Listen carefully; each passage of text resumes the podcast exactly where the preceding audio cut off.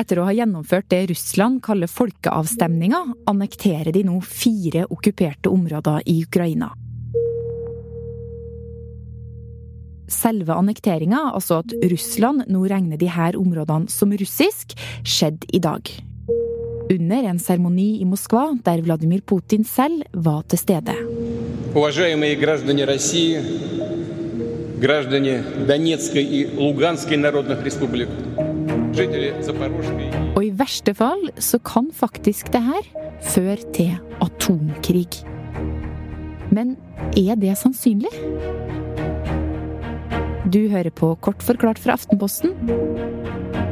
Og jeg heter Marit Eriksdatter Gjelland.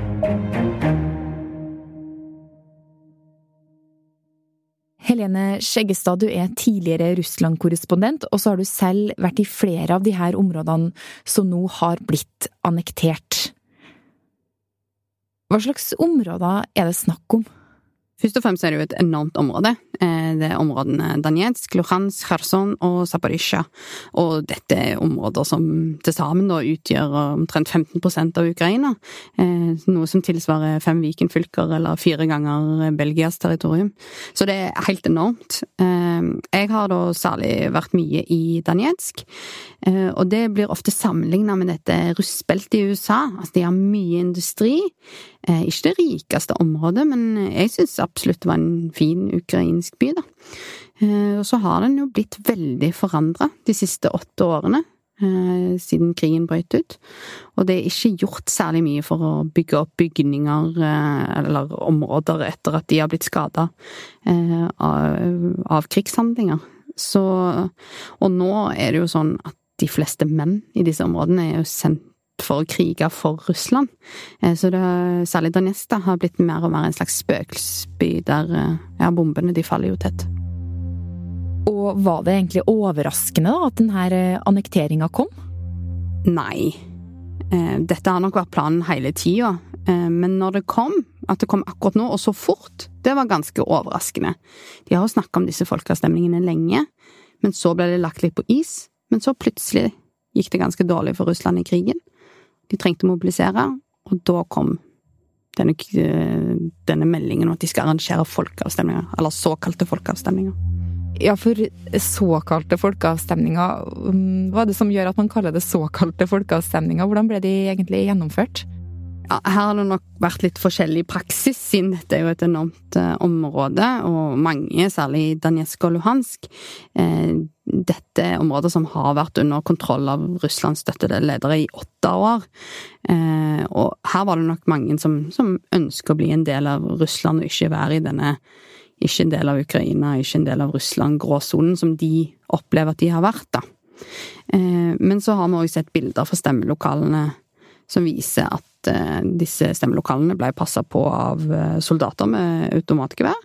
Eh, og så har det dukket opp flere videoer som viser hvordan valgfunksjonærer går og banker på dører inne i store boligblokker, og bak de så, så kommer det to-tre soldater med gevær. Og så er det mange som har valgt å ikke lukke opp. En person som jeg har snakka mye med, som bor i, i Danetsk, han satt bare helt stille og håpte at ingen skulle finne han. Eh, han var veldig imot hele, hele prosessen, og, og, egentlig så er dette hele folkeavstemningskonseptet er bare en skinnprosess. Det, det finnes ikke noe realitet i det som kom fram av resultatet. Det var, det var gitt på forhånd. Ja, Så det at eh, opp mot 90 stemt eh, for å bli en del av Russland, det skal vi ikke tro på? Nei, det er bare tull. Men Helene, hvorfor annekterer Russland de her områdene? Hovedgrunnen til at disse områdene nå blir annektert, er å gjøre disse områdene eh, russiske, altså da fra et russisk ståsted. Eh, for da kan man si at Russland er angrepet. Det betyr at Putin får mange flere verktøy i krigen eh, mot Ukraina. Sånn som det er i dag, for eksempel, så må vernepliktige ha fire måneders trening for å krige utenlands. Nå kan de sendes direkte til disse områdene, for det i Putins øyne er blitt russisk territorium. Eh, og så hjelper det jo i retorikken og mobiliseringen eh, at Russland kan si at de forsvarer Russland, ikke bare angriper et annet land. Og det er jo selvsagt bare tull, men eh, det er jo sånn Kreml tenker akkurat nå, da. Men det skumleste er kanskje likevel at det åpner for bruk av atomvåpen. Hvordan da?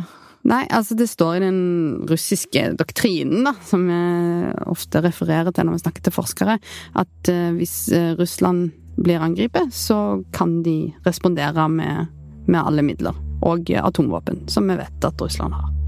Og poenget da med å annektere de her områdene, det er da å kun si at nå blir Russland angrepet, istedenfor at nå eh, beskytter vi områder som ønsker å være russisk. Nettopp. Det, nå kan de bruke det bevisst i, i sin argumentasjon for å bruke hardere virkemidler i krigen.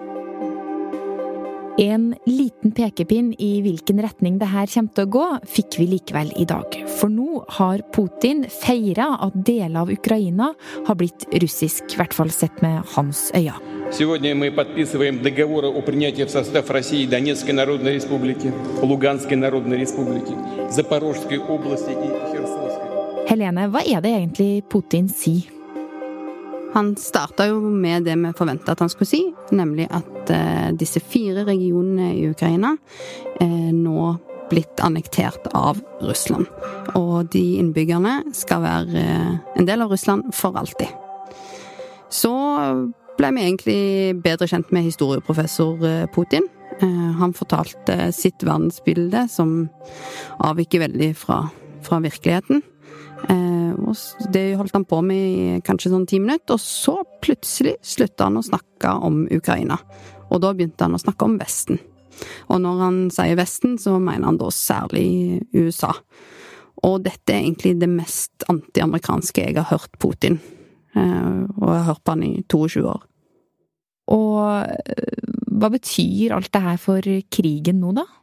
Dette viser jo egentlig en trend vi har sett over flere måneder. At de har slutta å snakke om spesialoperasjonen i Ukraina, og begynt å snakke om at de er i en uh, krigslignende situasjon, eller en hybridkrig, som man sa, uh, med Vesten. For krigen så betyr det egentlig at den fortsetter som før. men det har forandra seg fra russisk side. Tidligere var det sånn at det var snakk om politikk for Russland. De skulle de skulle ta Ukraina. Det var et politisk mål. Og så for Ukraina så var det snakk om å overleve som nasjon. Nå er det snakk om å overleve for Putin òg. Så du har overlevelse mot overlevelse. Og det er, er, for så vidt nytt. Jeg tror ikke han overlever et tap i Ukraina, eh, og det er fremdeles farlig. Og så var det jo atomkrig, da. Eh, hvordan ser faren for det ut nå etter at Putin har holdt sin tale? Han sier at han, han og Russland, da, kommer til å forsvare disse eh, nye regionene eh, med alle virkemidler. Og når han sier alle virkemidler, så mener han òg atomvåpen, selv om han ikke sa det direkte. Men jeg tror ikke det blir atomkrig denne helgen. Eh, faren er der fremdeles, men den har ikke blitt noe større av denne tallen.